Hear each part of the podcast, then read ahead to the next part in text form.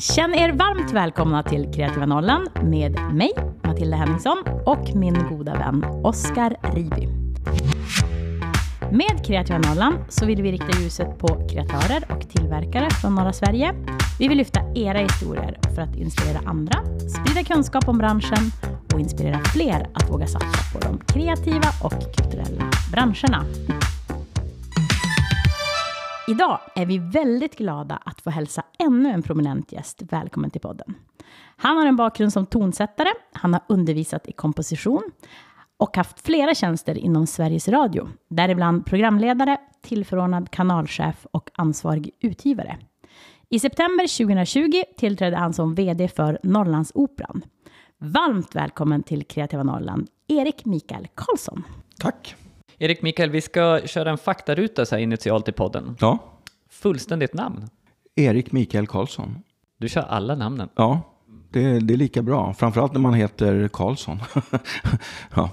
Så, så, är det, så är det bra att heta Erik Mikael också. Dina föräldrar körde Erik Mikael från, från grunden, eller? Ja, det var väl egentligen tänkt så, men, men frågar du dem nu så uh, går jag väl snarare under tilltalsnamnet Micke. Men de är de enda som säger det. Eh, annars så, så på radion så gick jag alltid under eh, EMK. Och det gör jag nu på Norrlandsoperan också. EMK tycker jag att det känns som att det lodar ganska bra med den elektroni, alltså elektroniska musiken som du... Ja, är inte det så här elektromagnetisk kraft tror jag EMK står för? Alltså... det är också mäktigt. Ja. Ålder? Eh, 55, fyller 56 i december. Hur skulle din bästa vän beskriva dig? Det är en jättebra fråga, en jättesvår fråga. Det jag vet inte, jag vet inte hur jag ska uppfattas. Jag tror att jag är... Nej, men jag tror att jag uppfattas, eller, eller mina nära vänner uppfattar mig nog som väldigt rolig. Alltså jag har rätt mycket humor. Eh, och att jag är eh, en känslomänniska. Som kan bli, eh, även om jag kan uppfattas kanske ibland kanske som lugn, men jag kan bli väldigt eh, sådär, både glad och ledsen och upprörd och sådär. Eh, och sen är jag, eh, jag tror jag kan rätt mycket om, eller jag kan lite om mycket snarare än om mycket, lite, eller mycket om lite.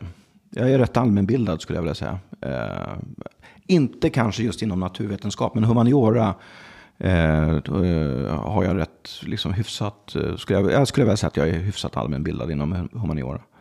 Var är hemma? Ja, men det där är ju en, eh, det är ju en,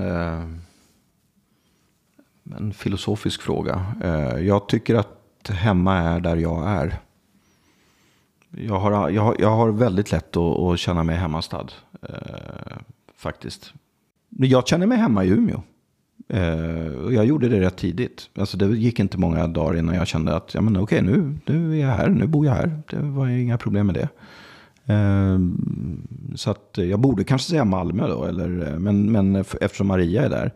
Eh, och det är väl så också, liksom där, där ens hjärta är, eh, är också hemma. Men, men, men jag är, ja, nej men där jag själv befinner mig tycker jag också är ett hem. Vad härligt att ha en sån känsla. Ja, jo, men jag, som sagt jag, jag känner mig... Jag tycker det där att vara... Jag vet inte, jag har aldrig... Jag, jag har alltid varit väldigt... Eh, jag har aldrig haft problem med att vara själv eller att vara ensam. Eh, jag tycker det, det är väldigt vilsamt och skönt. Så att jag, jag, många kan ju få krypa på väggen när man blir ensam och alltså, det blir tyst eller sådär. Och jag har ingen att prata med. Men jag, jag, är, jag tycker det är väldigt skönt. Den här podden heter ju Kreativa Norrland. Vad är kreativitet för dig? Nej, men det är väl att hela tiden vara på väg någonstans och att våga att vara modig. Tycker jag är eh, kreativitet. Att våga tänka, alltså den här berömda boxen som man alltid ska tänka utanför. Ehm, jag tycker att det är, men jag tycker att, ja modigt tycker jag är att, att vara modig, att testa nya saker och att inte vara rädd för, för förändring och sådär. Det, det, det, tycker jag är, det tycker jag är kreativitet. Du har ju en bakgrund som tonsättare, Erik Mikael. Mm. Hur kom du ens in på musiken som första spår? Ja, men jag började spela klarinett. Eh, ja, eller som alla andra, jag började spela blockflöjt. Och sen blev det klarinett. Eh, och sen började jag spela keyboard i, i lite olika pop och rockband. Eh, det var väl egentligen inte... Det var, ja, det var kul och det var väldigt inspirerande, men jag var liksom inne då, då lyssnade jag rätt mycket på fusion och soul och funk och det var liksom det som var min grej. Och jazz en del. Och när man började liksom kolla där på, eller lyssna på jazz så blev det liksom mer och mer experimentell jazz. Och jag lyssnade en hel del på, faktiskt på Sveriges Radio. Eh, och på P2, de hade ju mycket jazzprogram och, och live-jazz och sådär. Och då var det någon kväll eh, när jag skulle, eh, jag hade kollat i tablån och så, och så ja men där, det där bandet skulle jag vilja lyssna på. Och, och jag var väl kanske 15 år eller någonting i den stilen. Och när jag slår på så är det någonting helt annat. Något som jag aldrig har hört. Det var sådär, vad är det här för något? Det var helt märkligt. Det var röster och det var liksom nästan spöklikt. Och skinande klanger. Och, och sen eh, när allt det här var klart så, så, så avades programmet och sa att ja, det här var musik utav Bengt-Emil Jonsson och det var, eh, det är, var musik som var elektronisk musik komponerad vid Elektronmusikstudion i Stockholm. Och jag var, det, här var, det här var det märkligaste jag någonsin har hört talas om. Elektronmusik, elektronmusikstudion, vad är det för något? Så att, eh, och jag hade, ingen, jag hade ingen aning som sagt om vad, vad det var för någonting. Men, men eftersom de nämnde den här elektronmusikstudion så tänkte jag, jag ringer väl upp. Och, och, för det här verkar ju så spännande. Så jag ringde, dagen efter så tog jag mod till mig och, och, och ringde till elektronmusikstudion och, och eh, fick prata då med Lars-Gunnar Bodin som var eh, studiochef. Och då låg elektronmusikstudion mitt i stan på Kungsgatan 8 i Stockholm. Det var så gamla Radiotjänsts lokaler. Så klassisk radioadress. Eh, och han sa, jo men eh, vi, vi är en studio här och, och eh, vi har olika studior och man, här gör man elektronisk musik. Och då så här, kan man lära sig det? Ja, det, vi, vi har kurser via eh, Folkuniversitetet så att du kan, du kan eh, eh, ta kontakt med dem så, så, så kan du skriva upp det på en kurs. Och det gjorde jag. Eh, så att jag började ju där jättetidigt då. Och det här är någon gång i ja, men början på 80-talet typ. Och eh, sen, eh, ja, sen hängde jag mig kvar där. Och eh, gick kurser och, och så att säga, utbildade mig till till att kunna liksom jobba med elektronisk musik. Eh, och det ena ledde till det andra. Sen var jag ju en liten sväng på universitetet och jag studerade kriminologi och, och sociologi och social antropologi. Men sen efter det så tog jag mig tillbaka till, till, eh, till musiken. Och för att jag hade en kompis som skulle göra Eh, han skulle göra något lite så här bildspelsartat som var baserat på eh, Bulgakovs eh, roman Det här ett hunds hjärta. Och så ville han ha musik till det där. Och eh, då ja, då satte jag musik till, till det där bildspelet. Och i samma veva ungefär så började jag också jobba på Sabbatsbergs sjukhus som sjukvårdsbiträde. Det här var under, jag tror att det här var också under när de här studierna började ebba ut. Och där träffade jag en, en, eh, en kille som eh, höll på med film. Som också jobbade på Sabbatsbergs eh, extra. Och, och, han höll på med en, en film som på något sätt, han, det var en konstfilm men det baserade sig på arkitektur. Och han frågade mig, skulle inte du vilja göra musiken till min film? Och då, då det ena liksom ledde till det andra. Så att jag blev liksom på något sätt indragen i det där och, och kom att befinna mig liksom mer och mer på elektronmusikstudion i Stockholm. Så där. Liksom varje dag mer eller mindre. Och då tänkte jag så här, men det här, det här är så pass roligt så det här vill jag nog liksom fortsätta med. Och ja, och, och som sagt var, sen vann jag några tävlingar eh, så internationella kompositionstävlingar. Och sen började liksom den här beställningarna trilla in då. Att jag fick åka runt i Europa och, och komponera musik. Så att ungefär så. Går det att beskriva din, eh, ditt sätt att skriva musik på? Ja, men den är nog rätt. Alltså jag skulle vilja karaktärisera min musik som, alltså min elektroniska musik som rätt, eh, den är, den är rätt dramatisk. Eh, och jag jobbar rätt mycket, jag jobbade rätt mycket med att titta på alltså, vad hur hanterar man tid utifrån ett liksom dramaturgiskt perspektiv nästan? Alltså hur upprätthåller man ett intresse hos en lyssnare? Alltså när, när behöver det hända saker i ett lyssnande liksom, eller i en musik för att du ska upprätthålla ett, ett intresse? Och framförallt i en elektronisk musik som väldigt sällan är harmonisk. Du kan inte, inga melodier, du kan inte direkt, utan det är ju med, det är en, ljud, det är en ljudkonst så att säga. Och, och eh, det spenderade jag en hel del eh, tid och tankemöda på. Just liksom hur man dramatiserar ett, eh, liksom ett händelseförlopp eller en, en, en, tidsrymd. För att det finns ju, beroende på hur, hur långt ett stycke är, så finns det också så har du olika förutsättningar. Alltså gör du ett stycke som är tio minuter så kräver ett, ett, ett tio, tio minuter musik kräver en viss typ av andning, ett visst typ av tempo, en viss typ av att, hur du förhåller dig till tio minuter. 20 minuter, är, är, då är spelplanen helt annorlunda. Eh, du kan dra ut skeenden, du kan ju jobba på ett helt annat sätt liksom med, med, med att saker och ting, processer och utveckling i, i klang och så vidare. Och jobbar du med 45 minuter eller en timme så är det ju naturligtvis helt andra förutsättningar.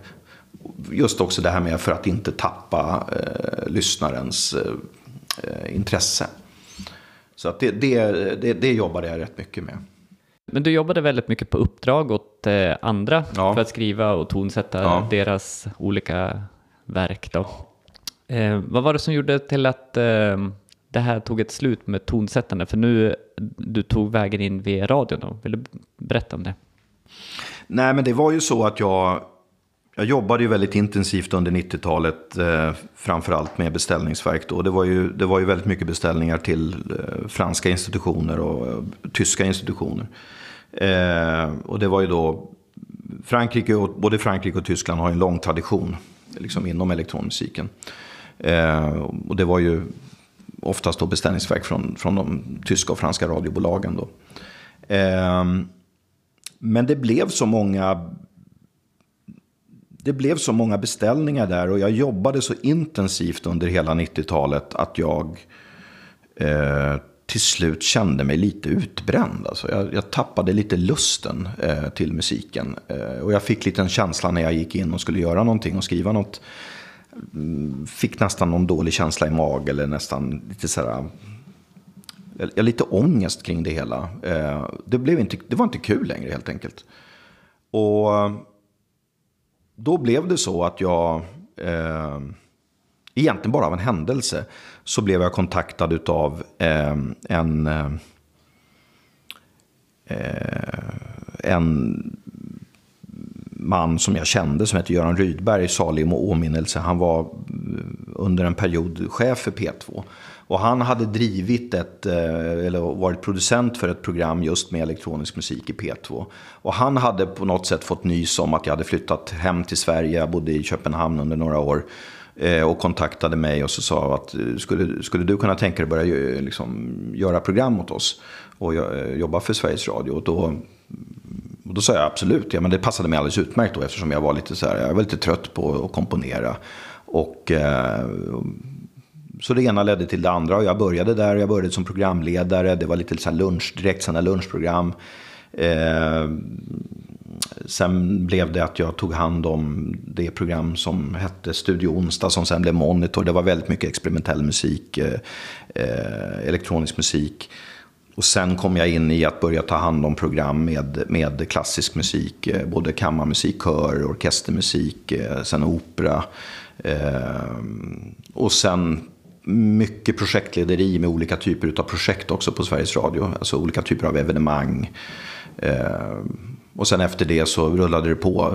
Det blev det chefstjänster eh, för olika avdelningar då på, och redaktioner på Sveriges Radio. Då. Men framförallt inom sådär, eh, kultur, musik, underhållning, drama, dokumentär. Så att, ja. Vad, är det någon del från den här radiokarriären som du tycker känns extra rolig? Ja, men jag älskar radio. Det är därför det är så kul att vara här och få prata i mikrofon. Va, vad är det du älskar med radio? Nej, men radio är helt fantastiskt. Dels, alltså, vi pratade ju här innan, jag vet inte om det kommer med i sändning, men, men, men du berättade ju det här med om att, att ibland är det lite så här, man, man, man gör en podd så här eller man gör ett radioprogram så man, man ser ju inte mottagarna. Utan man sänder ju ut det i, i sådär ett svart tomrum. Men sen kan man ju få så mycket tillbaka att folk faktiskt har lyssnat på det man har gjort. Och det är ju väldigt spännande. Eh, och folk hade ju liksom koll på det där, va? man har sänt ett program. Men det som är fantastiskt med radio är ju just att jag tycker att det är kul att det är här och nu. Jag tycker ju att, att göra direktsändningar tycker jag alltid var det roligaste. För det blir sån enorm nerv att göra direktsändningar. Eh, det, det, tycker jag är helt fantastiskt. Och, och vara, både vara programledare, men, men också vara producent. Direktsändningsproducent tycker jag är jättekul. Har du en sån här extra, om du, om du får prata om en direktsändning du har gjort?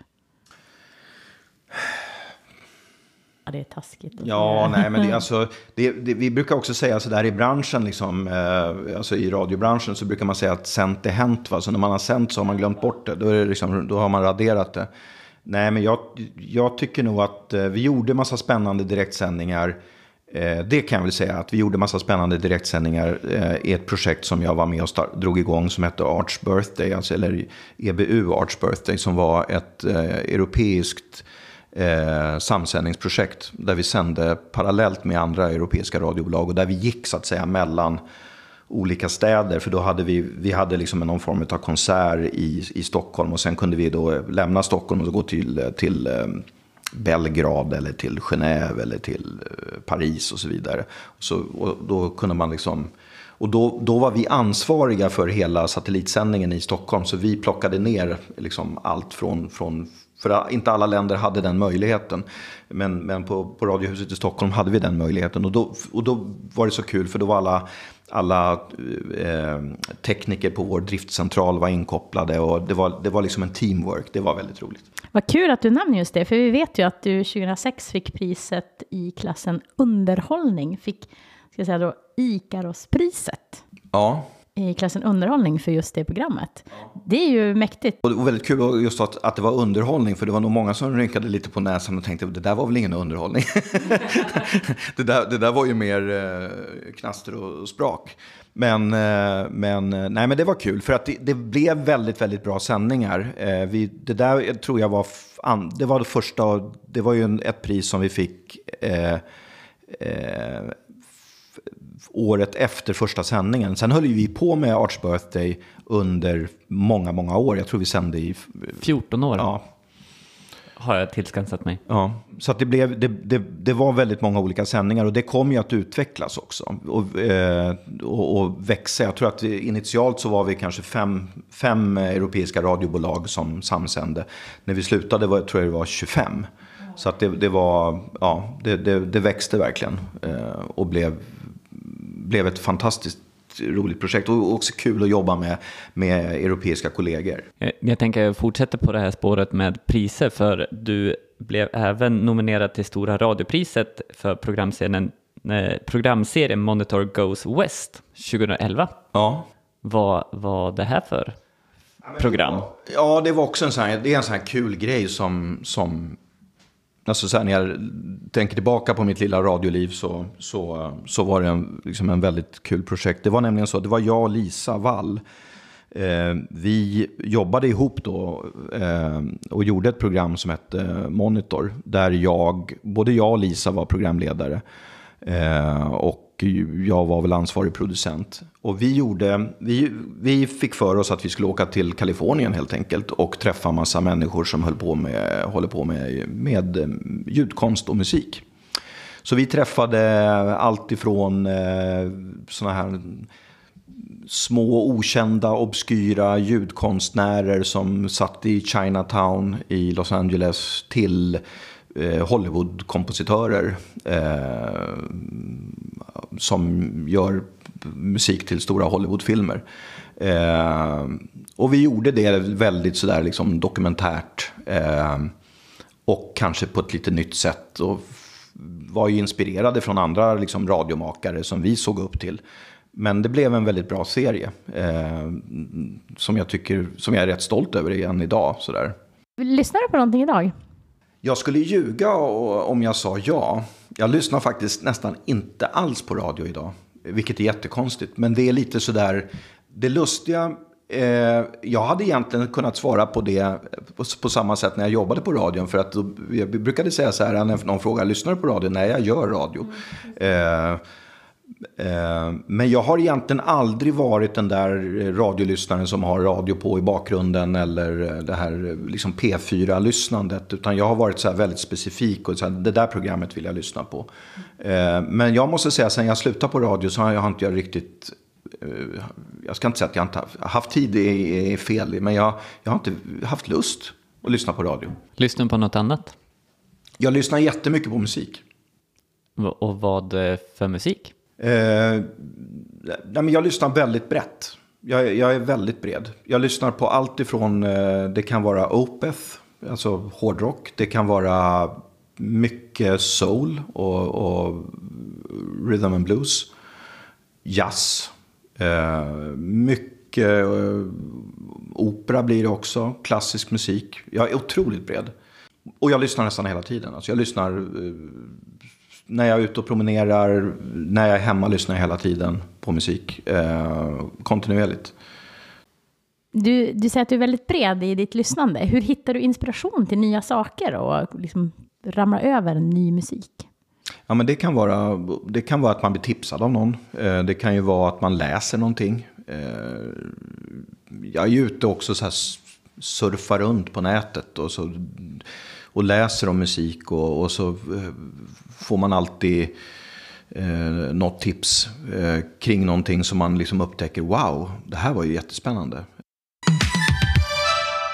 Erik Mikael, 2013 så gjordes det en intervju med dig på Sveriges Radio och jag tänker att vi ska återanvända några av de här frågorna från den intervjun och sen ska vi benchmarka lite med hur du svarade för tio år sedan. Åh herregud, det kommer jag inte ens ihåg. Okej. Okay. Ja. ja. men det tänker jag också är halva grejen.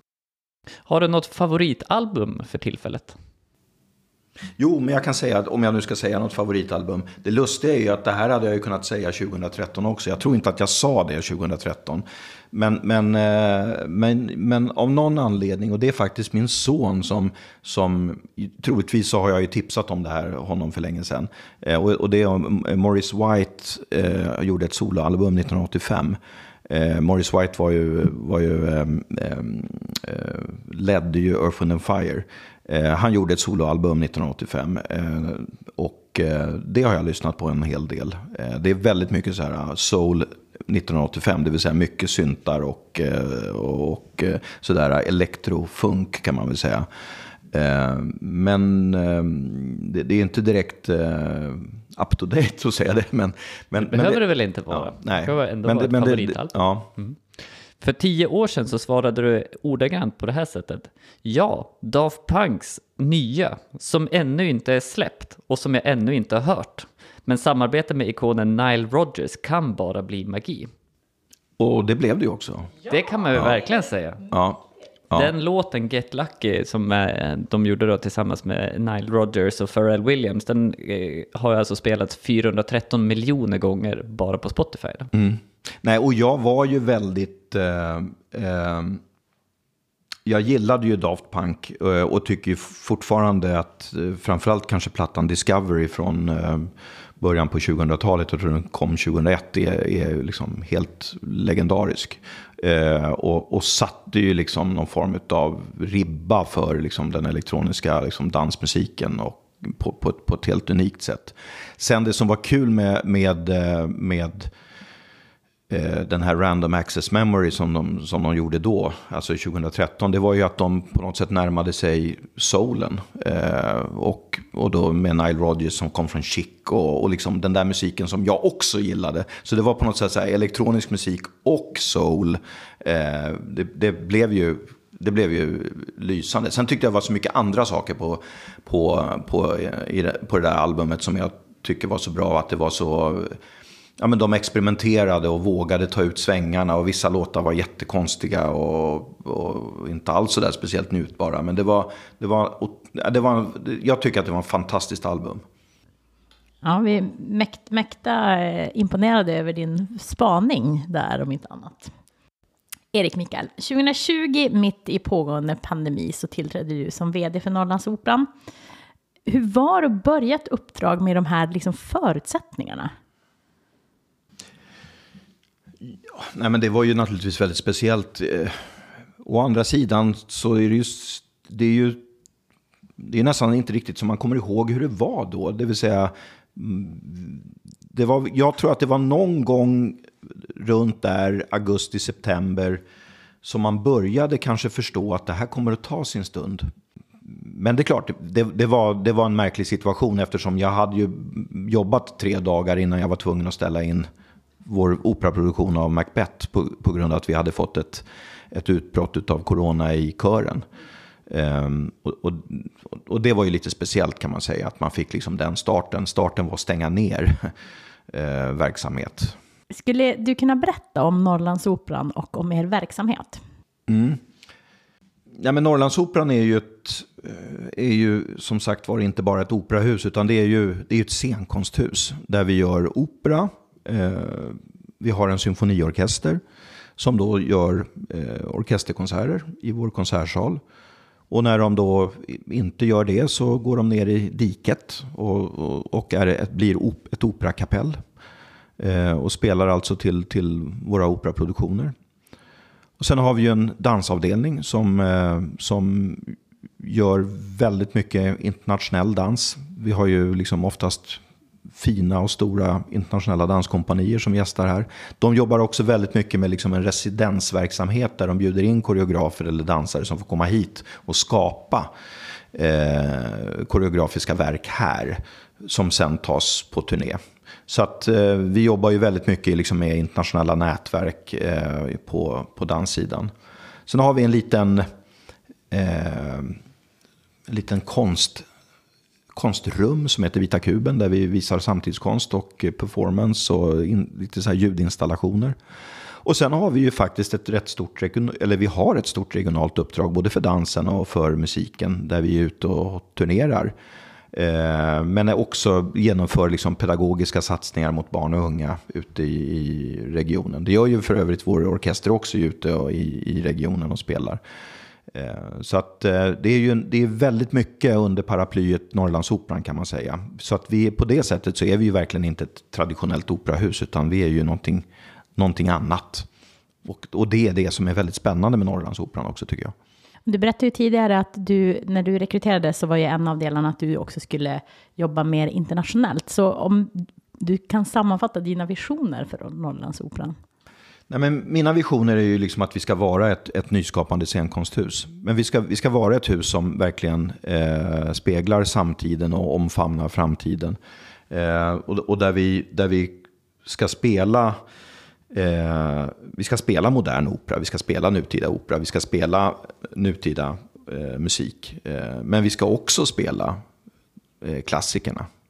Och det vi gör nu det är att vi, vi gör ju en liten omsvängning nu. Nu gör vi Kajasaria hos Adriana Mater. Jag är jättestolt över att vi gör det. det är, vi är det första svenska operahus som gör en opera av eh, Kaja. Eh, som är kanske världens nu levande största liksom, operatonsättare skulle jag vilja säga.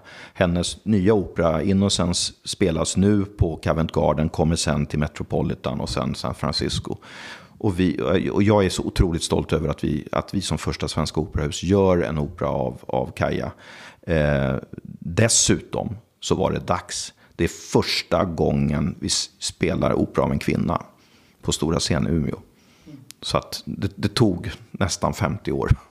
Så att det, det är jag också stolt över att ha liksom varit med och sett till att, att vi faktiskt är. Vi har också höjt andelen till 40 procent eh, på våra orkesterkonserter, eh, musik skriven av kvinnor. Det är jag också otroligt stolt över. Där tror jag vi ligger absolut bäst i liksom Sverige. Det finns ingen annan orkester som kommer upp i de siffrorna.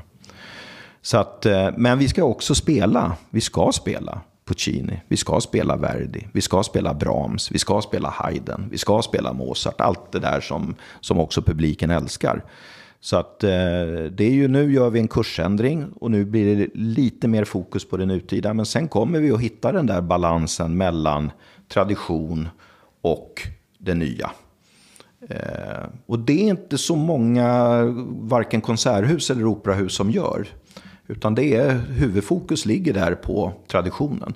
Och jag tycker att Sverige behöver ett, ett mer framåtlutat eh, scenkonsthus och operahus som faktiskt vågar vara modiga. Och det, det, det är där vi ska vara. Hur många operaföreställningar eller uppsättningar gör man per år? Vi gör två stora produktioner Eh, per år och så gör vi ett par mindre produktioner, alltså kammarmusikaliska produktioner. Men vi har ju en vision om att vi ska försöka öka volymen på, på operasidan. Men, men det är ju genom samproduktion, kanske gästspel. Eh, men också att vi kan erbjuda eh, kanske lättare och mindre turnébara produktioner. För jag skulle ju också vilja sprida opera till mindre ställen i Västerbotten och inte bara i Västerbotten utan i liksom norra Sverige. Och då skulle det kunna vara så att då tycker jag kanske ibland att det är mer intressant att vi åker ut med en pocketopera av Traviata eller La Bohème, alltså så här riktigt kända titlar, än att vi gör det med något nyskrivet. För att då, då, då kommer vi ändå möta en publik som kanske inte har ens sett en Traviata eh, någon gång eftersom man bor så långt bort ifrån ett, ett operahus. Eh, och då tycker jag att det, då, då, är det kanske mer på sin plats då att vi kan turnera med den typen av, av eh, repertoar. Hör du, finns det något projekt som du drömmer om att sätta upp? Ett, jag tycker det skulle vara väldigt, väldigt kul att få hit Robert Wilson. Eh, jag tycker också att det hade varit fruktansvärt kul om Tom Waits skulle kunna göra någonting för scenen. För jag såg en helt makalös bra föreställning i Köpenhamn där han och Robert Wilson eh, hade gjort eh, en Wozzeck som var liksom det bland det bästa jag sett. Så om jag nu ska säga, ja, att få, att få liksom Tom Waits och Robert Wilson att göra något nytt, det hade varit kanon. Mm, spännande. Erik Mikael Karlsson, stort tack för att du gästade Kreativa Norrland. Ja, tusen tack själva. Jättetrevligt.